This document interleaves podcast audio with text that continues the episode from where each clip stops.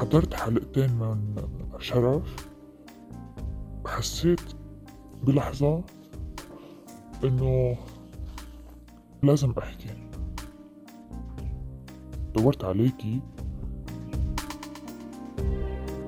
مش قادرة أفهم كيف وليش دورت عليكي وليش بدي أحكي قصتي. بلحظة كنت مفكر إنه ممكن كل شي ينتهى ينتسى. بس أنا وعم بسمع حكايات العالم التانية. قلت لحالي إيش بيصير إذا ماتت قصصنا؟ وليش ما منفكر نحكيها؟ وإيش بيصير وقت نحكي قصصنا؟ مثل ما أنا ومدهوشة كيف عم بيحكوا قصصهم اللي قبلي بالبرنامج. يمكن بكرة يسمعوني ناس ويندهشوا ويقولوا في غيرنا تعرضوا لهيك اشياء خطيرة بالحياة. وقدروا يتخطوها. وللحقيقة إذا بدي أكون صادقة معك ما كانت أبدا سهلة نتخطاها.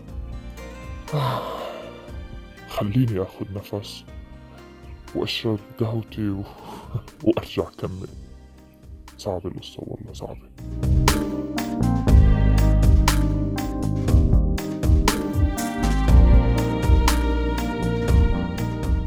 ثلاث فناجين قهوة وكاسة زهورات وأربع كاسات مي. شربت إيمان وهذا اسم مستعار هي وعم تحكي لي قصتها. إيمان بعد ما سمعت قصة الفنانة العربية اللي شاركتني بقصص التحرش اللي صارت بحقها بحياتها وبعد ما سمعت قصة سما المؤثرة جدا اللي كانوا أهلها للأسف. هن أسباب تعرضها للإساءة الجنسية بالحياة ولمعركة طويلة. إيمان مثل ما خبرتني على التليفون بعد ما حكيت معها بعد ما بعثت لي رسائل على ال social media وكانت بالأول حقيقة حريصة أو متحفظة يعني بدها تحكي وما بدها تحكي. إيمان خبرتني شغلة كتير مهمة. قالت لي وقتها بهديك الرسالة المكتوبة بأنه صاب شي بيشبه هيك صحوة صحيت على لحظة إنه أنا ليش ساكتة؟ ليش ما دورت من قبل على حدا؟ لأحكي له قصتي. قصتي اللي أساساً أنا بمأمن إذا بدي أحكيها اليوم. لأن على الأقل وأنا هون عم بحكي لكم على لسان إيمان زوجها لإيمان كان حليف ما كان عم بحاكمها على ماضي مأساوي وظالم. عاشته إيمان وهي طفلة بعمر ال 15 سنة. رح نسمع من إيمان شو حابب بالضبط تخبرنا بقصة اليوم من بودكاست شرف. أنا ست متجوزة وعايشة حياة يعني الحمد لله. حياة فيني أقول عنها سعيدة فيني أوصفها إنها حياة رايقة فيني أحمد ربي على كل إشي بيصير معي زوجي كويس. أولادي كويسين ناجحين. نحن عايشين ببلد آه، أوروبي. وحياتنا يعني منظمة. حياتنا يعني منظمة. كانت منظمة كانت سعيدة. ليوم اللي شفت شو بدي أقول إذا ما بدي أقول اسمه الصريح؟ اختاري له اسم اللي بدك إياه.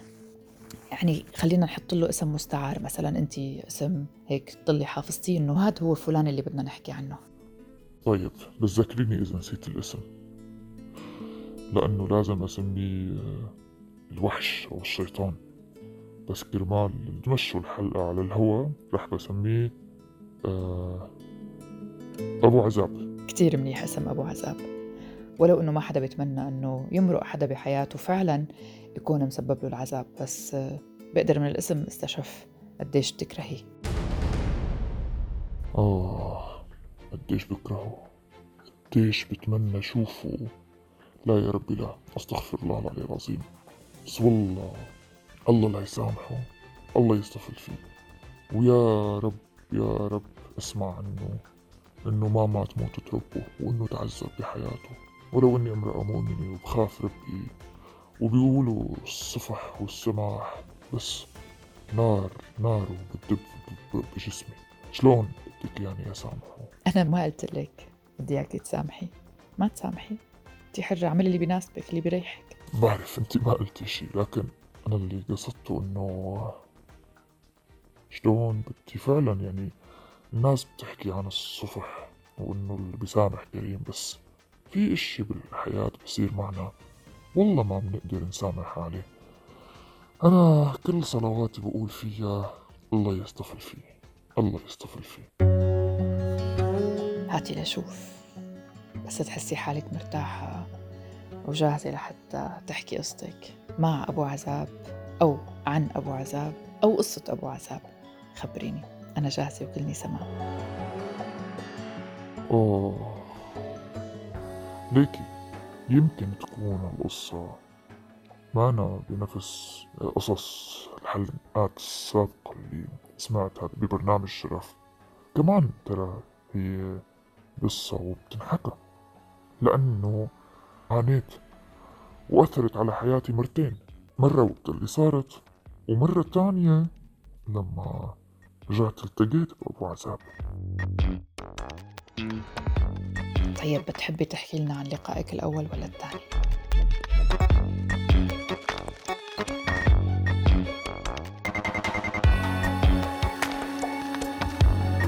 هلا كوني كنت عم بحكي لك عن إني كنت عايشة حياة سعيدة ورغيدة وكل هاي القصص. فخليني أحكي لك قبل. والله مش عارفة. والله مش مرتبة القصص براسي. عارفة؟ مرات بحس حالي مخنوقة لحد هاي اللحظة. مع إنه ألف الحمد لله انه ربنا بعت لي رجال متفهم والحمد لله غير لي حياتي.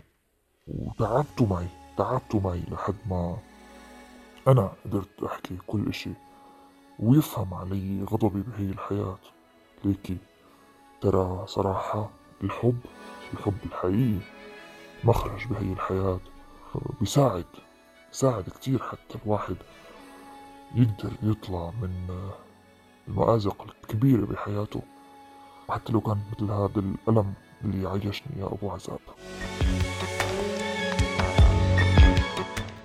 حكيت لك إنه عائلتي عائلة صغيرة وسعيدة وعايشين حياتنا وكل إشي تمام ومنظم وحب وهنا ووفرة ونحن ببلد أوروبي. وعين الله علينا الحياة ما أحلاها اليوم ماشي بسهلة ربي بهالمدينة اللي نحن فيها الهادية والرايقة.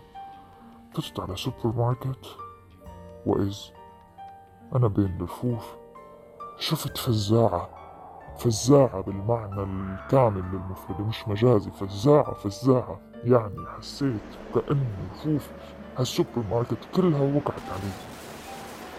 شفت أبو عذاب. شفت أبو عذاب بشعر شايب بحجم مختلف بعمر أكبر تجاعيد. وفي حنوة بظهره بس نفس العيون نفس العيون وأنا حسيت بنفس الخوف. شفته بعد أكثر من عشرين سنة. بتصدقي إني قعدت أبكي مثل اليوم اللي صارت الحادثة؟ طيب ما بعرف يعني أنا حابة أتركك تحكي بالطريقة اللي أنت بتلاقيها مناسبة. بس لحتى يعني عم فكر بهيك المستمعين كيف إنه عم يسمعوا الحلقة بدهم يفهموا قصتك. باعتبار في يعني ذكريات وعم نحكي شيء قبل شيء وشيء بعد شيء بس إذا بتحبي تخبريني شو هي الحادثة؟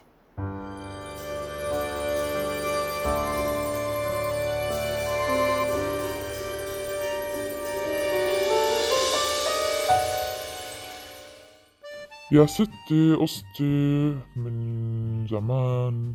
منيح زمان كتير. أنا كنت بنت لأبي أنا وأخوات. نشتغل عند واحد بقصره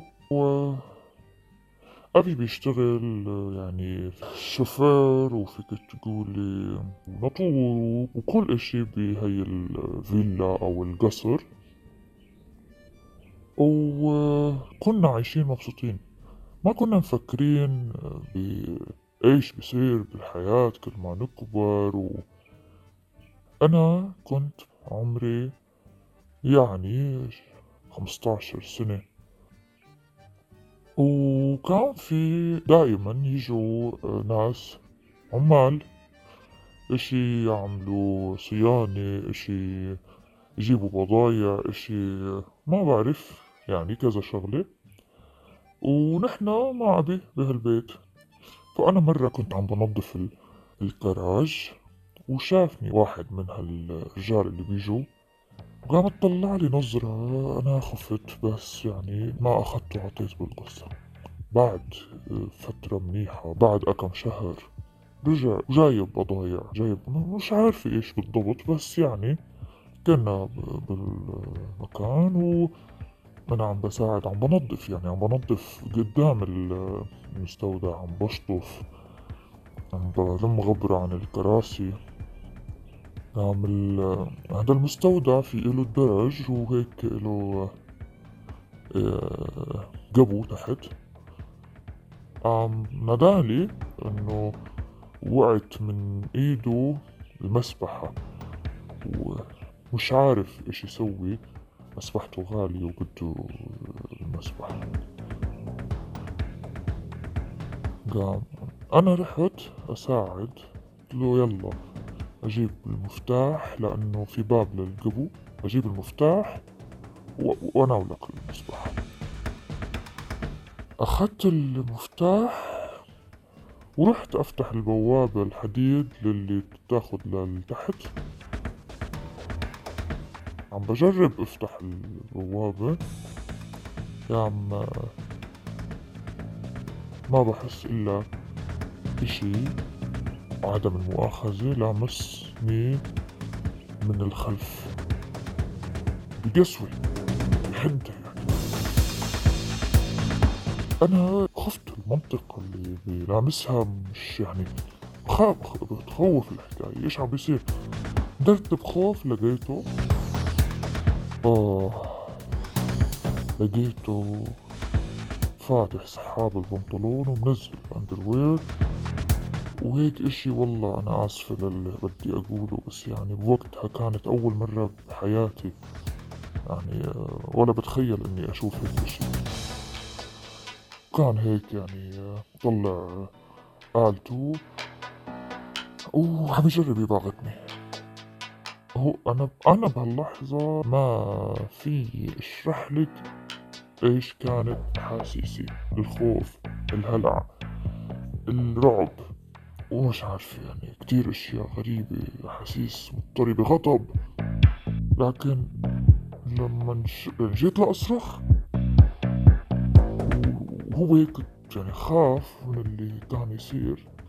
أو مش والله أنا مش يعني هلأ مش عارف كان خايف ولا كان طلع هيك يعني حواليه ورجع حضني. ولسه بعده هو هيك يعني إنه مثار يعني كنا كان عم يحاول من الخلف صار بده يحاول.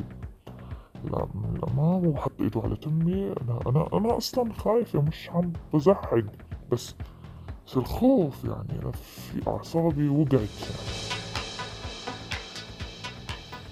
لما يعني ما رح تسأليني وين كانت الناس؟ ما كان في ناس ما كان كتار كان هي مكان كبير والناس عم تنقل بضايع وناس رايحة وناس جاية و... استغل الوقت إنه ما كان في كتير ناس و... وهيك صار. المهم ما حس إنه مش صعب وأنا كنت رح بزعق ف بدل ما خلاص يعني انه قرر إنه من تحت صار اجى بده يبوسني. على تمي وصار هيك يعني يضمني وحاول يمرض نفسه فيني وكذا.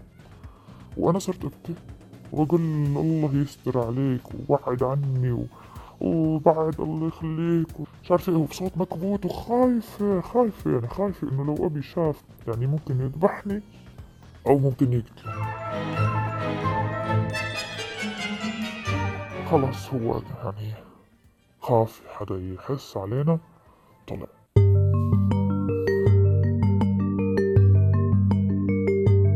هي الجملة المعترضة اللي قالتها إيمان. رح تسأليني وين كانوا الناس. يمكن أي وحدة فينا ممكن تتعرض لموقف لا سمح الله مثل موقف إيمان. رح بيكون بمكان ما عندها نفس الحاجة الملحة لأنها تحط هالجملة المعترضة. لتنفي عن نفسها تهمة إنها شريكة بهي الجريمة. ليش؟ لأنه أنتو المجتمع اللي بينتقد اللي بيحكي على بنات وأعراض الناس لأنه إيمان اليوم. وإذا هي بعدها عم بتفكر بطريقة إنها تحط مبررات لموقف بينوصف بجريمة عم تحط مبرر لحصولها بين مجموعة من الناس. هذا معناها إنه إيمان. سمعاني قصص مشابهة انجلدت فيها النساء ألف مرة بداعي السؤال ليش كنت هنيك؟ أو وين كانوا الناس؟ أو كيف صارت الجريمة؟ طالما في ناس. ليش ما استغثتي مثلا؟ ليش ما صرختي ليش ما ناديتي مو كل الأهالي بيعلموا أولادهم وإيمان كان عمرها 15 سنة بأنه اصرخي ونحن معاكي وإذا حصل وقت صبتي يا بابا أو يا ماما نحن نحميكي ونحن مندافع عنك. إيمان. وأنا وكتار من اللي عم يسمعونا اليوم سمعنا عشرات لا مئات القصص عن بنات أو سيدات تعرضوا لحالات من التحرش الجنسي أو الاعتداء الجنسي أو الاغتصاب وقتلنا على أيدي أهاليهم بس لغسل العار وبس لإخفاء الفضيحة اللي ممكن تصير بسبب هيك فعل. ما بعرف كيف ممكن يكون في حدا عايش بالقرن الواحد وعشرين ويصدق إنه في صبية أو سيدة ممكن تغتصب بهالطريقة الوحشية وتكون قبلانة أو عندها قبول ولو واحد بالمية على اللي عم بيصير. رح نرجع لإيمان.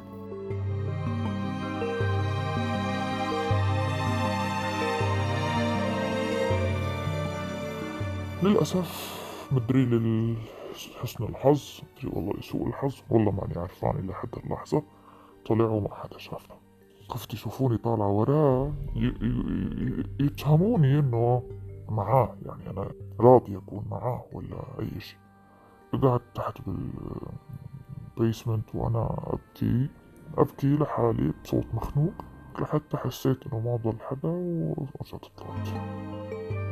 آه.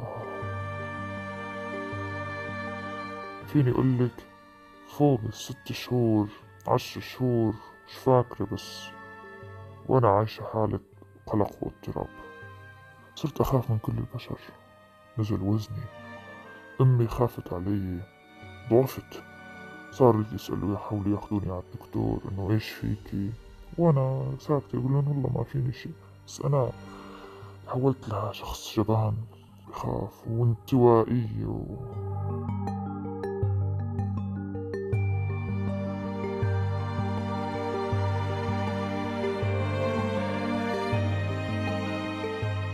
اليوم كل ما بفكر بالقصة بسأل حالي إنه كنتي عارفة حالك إنه مش رح تنسي صعب تنسي. مرات أتذكر وأغص وأتضايق بيني وبين حالي. بس كنت حاول إنه خلص يا بنت الحلال حياتك زي العسل.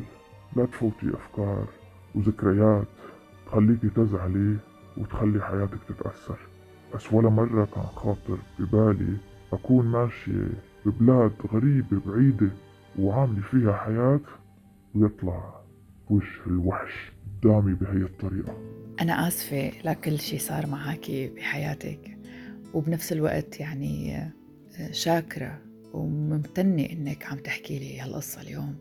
وإذا ما عندك مانع أكون أكثر طمعا أعرف تفاصيل. إذا إذا هذا الشيء ما زعجك. حصلت القصة معك وأنت بعمر ال 15 سنة. حابة أعرف إذا أولادك هل هذا الشيء اللي صار لاحقا كان له تبعات؟ يعني لما شفتي شو سميناه؟ أبو عذاب. أبو عذاب. لما شفتي أبو عذاب بالسوبر ماركت ووصفتي هذا الإحساس الكتير مؤلم شو صار غير إنك تعبتي بوقتها أو إنك تفاجأتي وتضايقتي؟ بحب أسمع إذا ما عندك مانع. أكيد ما عندي مانع. أنا جاي أحكي لك القصة كلها. هادي يا ستي. أنا بالسوبر ماركت لما شفته وقلت لك حسيت وكأنه هالسوبر ماركت كل رفوفه وقعت علي. بتصدقي إذا بقولك رجع انتابني نفس الإحساس لحظة الاعتداء وكأنه يعني كانت تفصلني أمتار عن أبو عذاب بس حسيت وكأنه أبو عذاب صار يعني راجع يعتدي علي. في جزء من الزمن بحسه مفقود بلحظة ما شفت أبو عذاب. يمكن أغمى علي. ما ما بتذكر إني وقعت على الأرض بس في في شي مثل الإغماء. وصرت أصرخ. صرت أصرخ وأنا نظري معلق بنظر أبو عذاب. أنا شفت أبو عذاب صرخت. كل الناس اطلعت علي ومن ضمنهم أبو عذاب. وعلق نظري بنظر أبو عذاب وأصرخ وأبكي. ما ما ما. خليني أشرب كاسة مي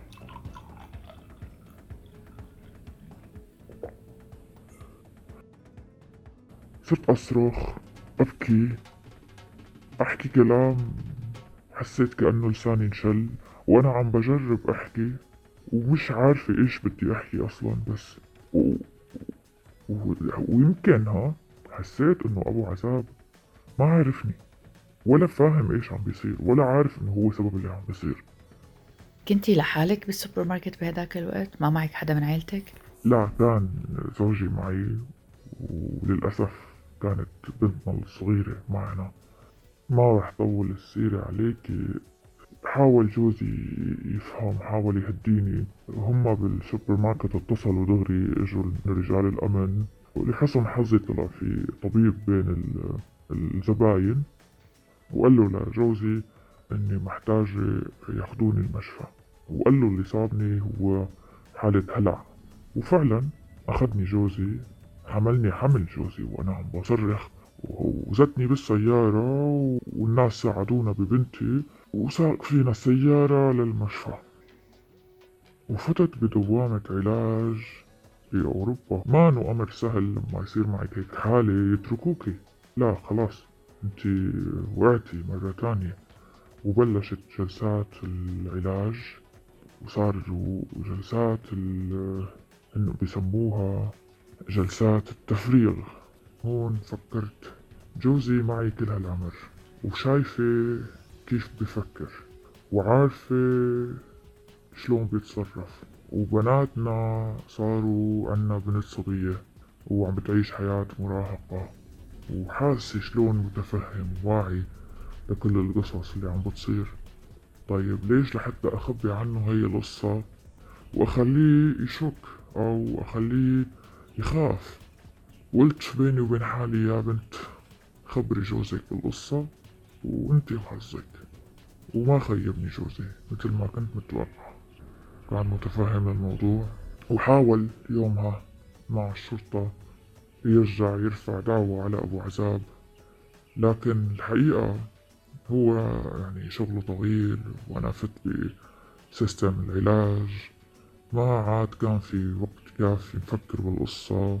وأنا ترجيت إنه بلاش لأنه ما قادرة بكرة بال... إذا صار الشرطة وصارت دعوة وصار أي إشي ممكن يضطروني أوقف قدام أبو عذاب وأنا بعد نوبة الهلع الدكتور نصح لجوزي إنه ممكن ما يكون منيح يشوف أبو عذاب مرة تانية بحياته على كل جوزي كان متفهم. بس أنا ولا مرة كنت متخيلة إنه أضطر لفترة علاج طويلة زي اللي عشتها وإنه جوزي يستوعب ويتحمل كل هاي القصة. وهذا الحكي صار له زمان يعني خلصتي موضوع العلاج. وإذا بتحبي تخبرينا هيك عن هلأ الوضع بالعائلة شلون؟ هذا الحكي آه، جلسات العلاج أخذت فترة منيحة فترة طويلة. أنا صار لي هلأ أربع سنين خالصة الحمد لله خاصة علاج. وأحمدك وأشكرك يا ربي. ما أثرت على حياتنا زي ما حكيت لك جوزي كان متفهم إني كنت بنت صغيرة.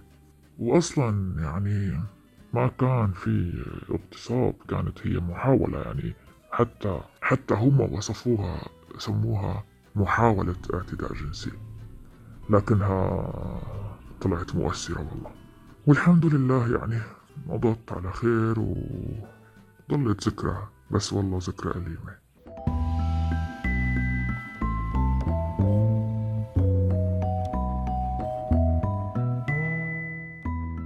كتير شكرا إنك حكيتي قصتك.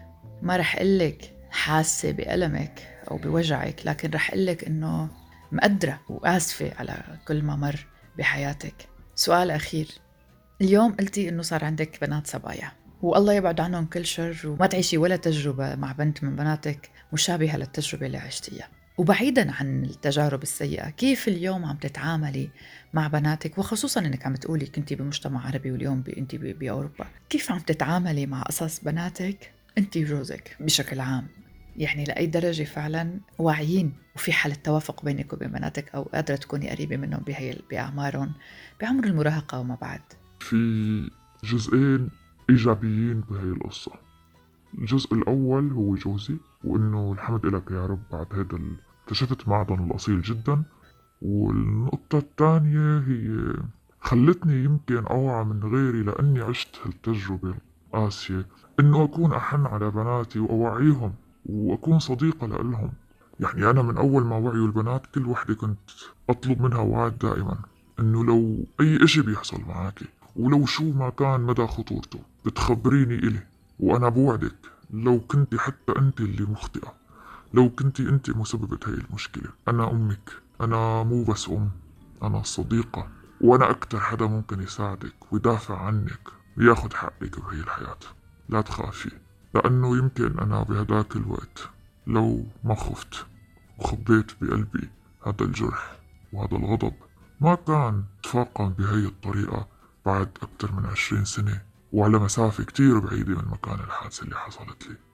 وبالمناسبة بدي أستغل ويمكن هذا هو الشيء اللي دفعني إنه أدور عليكي وأحكي لك هي القصة. هو إنه أتوجه للأمهات وأتوجه للآباء أو خليني أقول أتوجه لكل المجتمع. نحن عم نظلم بناتنا. يوم منكون بعاد عنهم. كونوا قريبات لبناتكم ولشبابكم حتى لأبنائكم وعرفوا إيش عم بيصير معهم. ولا تخلوهم يخسروا كل هي سنين من دمار بخلاياهم. وأنا شاكرة لإلك. إنك استجبتي لدعوتي وإنه قدرنا نسجل هاي الحلقة. بدي أقول إنه برنامجك عظيم وأنا بدعي كل اللي عندهم آلام بتشبه آلامي إنه يجوا يحكوا. لأن مو بس أنا اللي هلأ ارتحت لأني حكيت وبعرف إنه كتار رح يسمعوا قصتي. ارتحت لما عدت القصة. بتعرفي أنا وعم بحكي لك هالقصة. هلأ اكتشفت نقاط تانية مهمة بحياتي مثل ما كنت عم قلك كأن مو أنا اللي عم أحكيها عم بسمعها من حدا تاني. اكتشفت قديش كانت حياتي قاسية وقديش أنا بطلة لأني طلعت منها وقديش أنا محظوظة لأن جوزي أب ولادي رجال متفاهم ولأني ببلد أعتبر إنه نوبة الهلع ما أنا إشي عابر وخلاص بتنسى لا أجبروني على العلاج بطريقة راقية وأنا كسبت نفسي اليوم. أنا اليوم بسعى مع أكثر من جمعية إني أشتغل على تقوية البنات بهذا الخصوص أتمنى إني أقدر أوصل لبنات تعرضوا لهي قصص وأساعد أساعد بإنهم يطلعوا منها بأقل الخسائر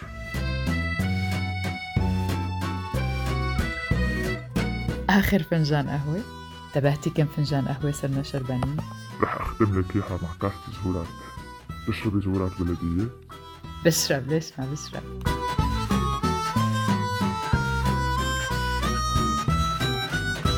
هاي كانت حلقة من بودكاست شرف. كنت معكم براء صليبي شكرا لطيب الاستماع. إلى اللقاء.